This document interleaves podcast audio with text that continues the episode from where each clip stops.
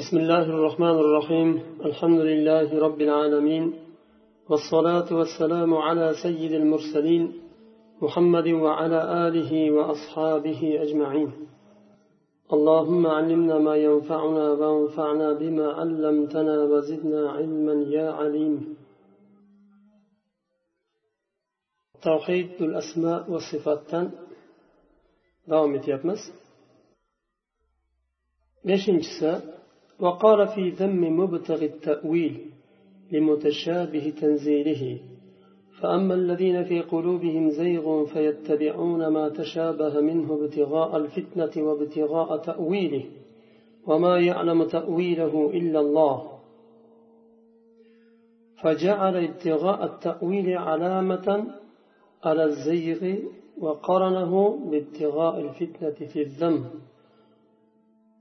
ثم حجبهم أما أملوه وقطع أطماعهم أما قصدوه بقوله سبحانه وما يعلم تأويله إلا الله.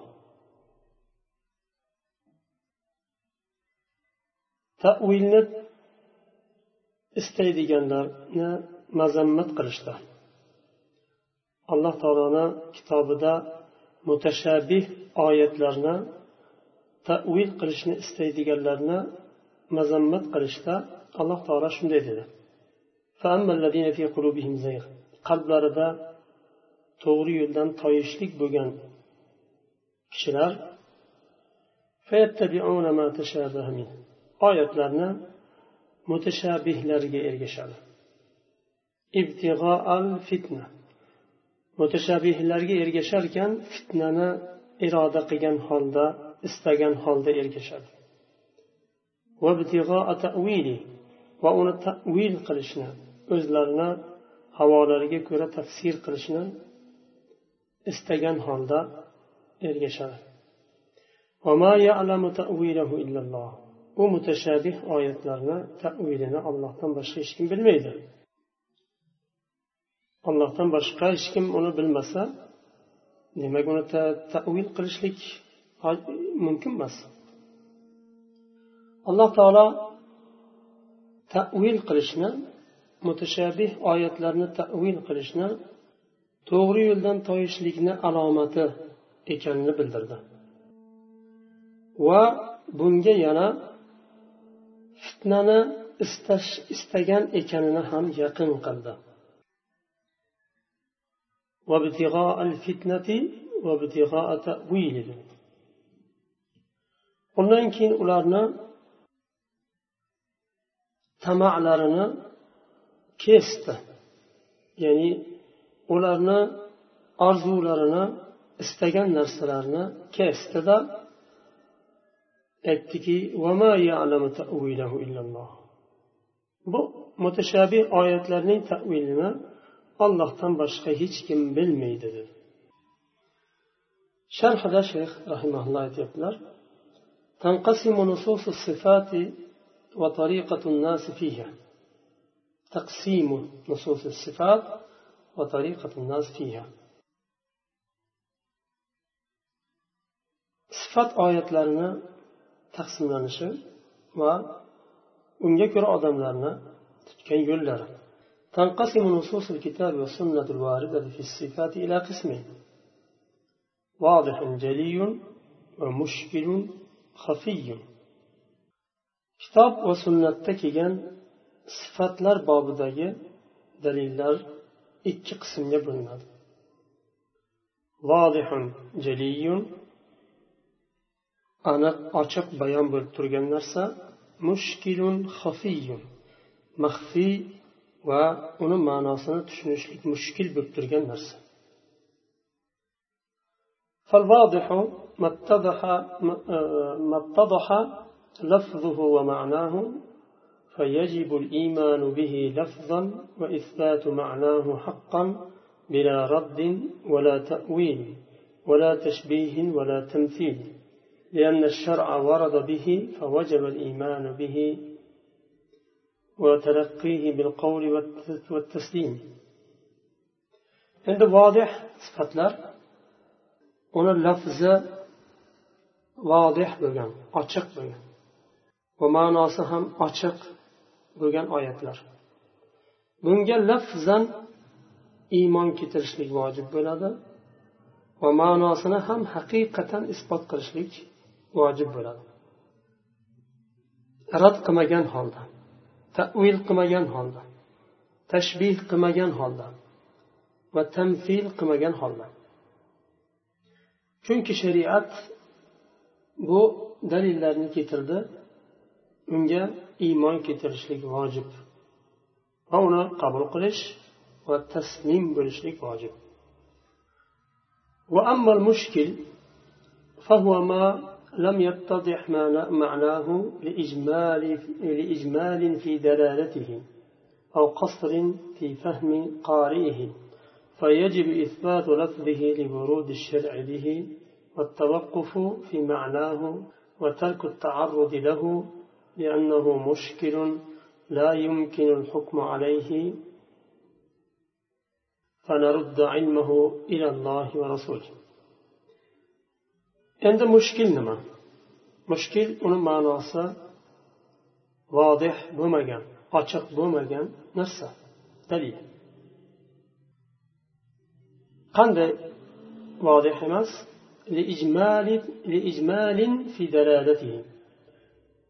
Dalolatida mujmal bo'lgani uchun. Yoyinki o'quvchining fahmida taqsir bo'lgani uchun. Nuqson bo'lgani uchun. Aslida ma'nosida bir mujmallik yo'q lekin o'quvchi uni tushunmasligi mumkin. Fahmlashda nuqson bo'lishi mumkin. Ilmi oz bo'lgani uchun yo boshqa sabablardan. Bunday holda lafzini isbot qilish vojib bo'ladi. Oyatning lafzini yo hadisning lafzini isbot qilishlik vojib bo'ladi chunki shariat buni vorid qildi. Va ma'nosida tavaqquf qilinadi to'xtalinadi. Aqldan ma'no berilmaydi. Nima uchun? Chunki u mushkil. Ishkal bor nimasida e, to'la bayon bo'lmagan ma'nosi bizga. Unga hukm qilishlik mumkin emas.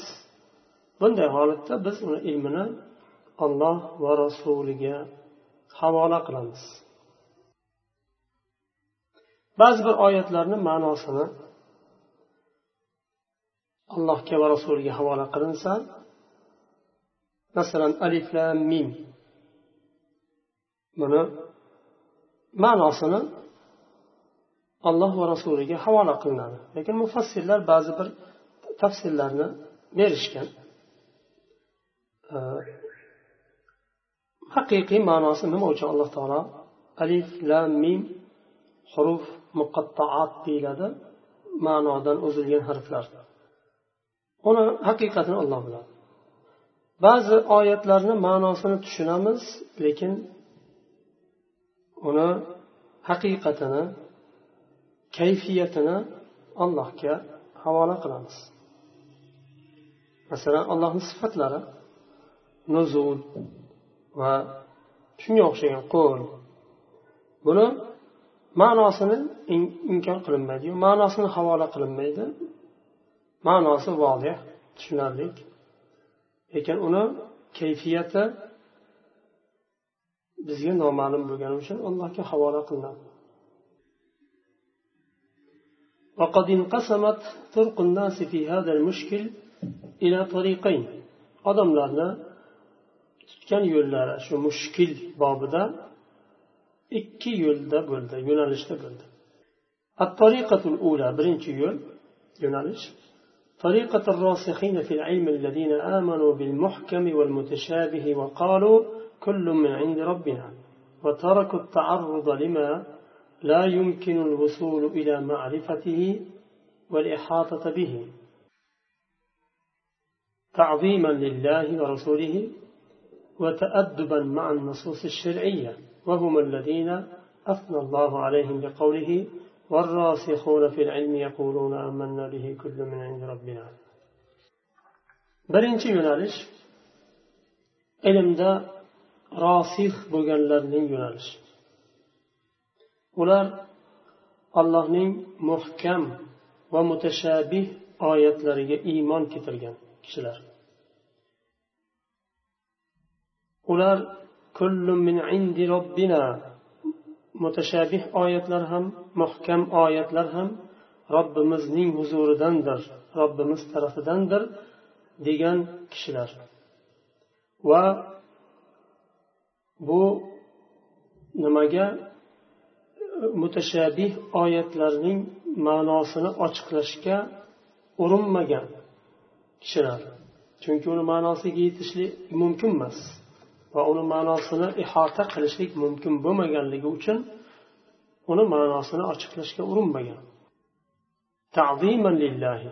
Allohni ulug'lagan holda. Chunki allohdan boshqa zot bu mutashabih oyatlarni bilmaydi. Agar ilmda rosih bo'lganlar uni dalilsiz tafsiriga kirishadigan bo'lsa noto'g'ri tafsir qilishligi ehtimoli juda katta va shuning uchun allohni ulug'lagan holda uni tafsiriga yo uni ochiqlashga kirishmaydi. Alloh rasulini ulug'lagan holda. Va shar'iy dalillarga adab saqlagan shar'iy naslarga nisbatan dalillarga nisbatan adab saqlagan holda. Ularni alloh taolo qur'oni karimda maqtadi. Ilmda rosih bo'lganlar aytadilar biz bu oyatlarga iymon keltirdik bularni hammasi robbimiz tarafidandir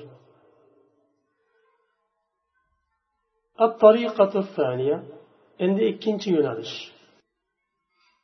طريقة الزائغين الذين اتبعوا المتشابه طلبا للفتنة وصدا للناس عن دينهم وعن طريقة السلف الصالح فحاولوا تأويل هذا المتشابه إلى ما يريدون لا ما إلى يريده الله ورسوله.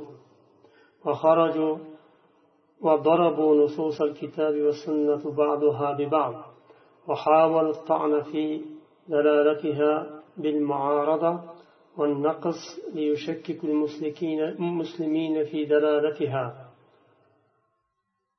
ويعمون عن هدايتها. وهؤلاء هم الذين ذمهم الله بقوله فأما الذين في قلوبهم زيغ فيتبعون ما تشابه منه ابتغاء الفتنة وابتغاء تأويله وما يعلم تأويله إلا الله. Endi ikkinchi yo'nalish to'g'ri yo'ldan toygan kishilarni yo'nalishi. Ular mutashabih oyatlarga ergashadi. Fitnani talab qilgan hollarida va odamlarni dinlaridan to'sishlik uchun salafi solihni yo'lidan to'sishlik uchun. Ular bu e, mutashabih oyatlarni tavil qilishga harakat qilishadi o'zlari iroda qilgan ma'noga. Allohu rasuli iroda qilgan ma'noga emas va kitobni va sunnatni qur'on va sunnatni dalillarini birisini ikkinchisiga urib odamlarni e, bu oyatlarni va hadislarni dalolatini bir biriga qarama qarshi deb odamlarga tanitishlik uchun bildirishlik uchun bir biriga qarama qarshilik bor deb ta'na qilishlik uchun va nuqson bor deb ta'na qilishligi uchun. Va musulmonlarni bu oyatlarning dalolatida bo'lgan tushunchalarida shak solishlik uchun va ularni hidoyatdan adashtirishlik uchun. Oyatni va sunnatni qur'on oyatlarini va hadislarni bir biriga qarama qarshi degan ma'noni chiqarish qayerdan qanday bo'ladi? Masalan alloh taolo deyapti. Allohni misli yo'q. Allohni misli yo'q deyapti bu oyatda. Hop deyapti. Allohni qo'li ularning qo'lining ustida deyapti. Ho'p bu oyat ikkinchi oyat birinchi oyatga zid deydi. Qarama qarshi shuning uchun ikkinchi oyatni tavil qilishimiz kerak. Qo'lini qudrat deyishimiz kerak. Allohni qo'li yo'q deymiz qudrati bor deymiz. Degan aql falsafani ishlatishlikni bu yerda nazarda tutilyapti. Aslida u yerda hech qanday qarama qarshilik yo'q ho'p allohni qo'li bor degan taqdirda ham misli yo'q qo'lini. Dunyoda borliqda ollohni misli yo'q. Allohni o'zi o'zining ulug'ligiga va buyukligiga xos sifatlari bor. Shuningdek qo'li bor o'ziga xos. Lekin uni qanday kayfiyati qanaqa haqiqati qanaqa uni bilmaymiz. Maxluqlarni qo'llariga o'xshamasligi aniq. Uning dalili alloh taolo bularni mazammat qilib shunday dedi qalblarida haq yo'ldan adashishlik bo'lgan kishilar oyatlarning mutashabihlariga ergashadi fitnani istaganligi uchun va tavilni istaganliklari uchun bu oyatlarning tavilini allohdan boshqa hech kim bilmaydi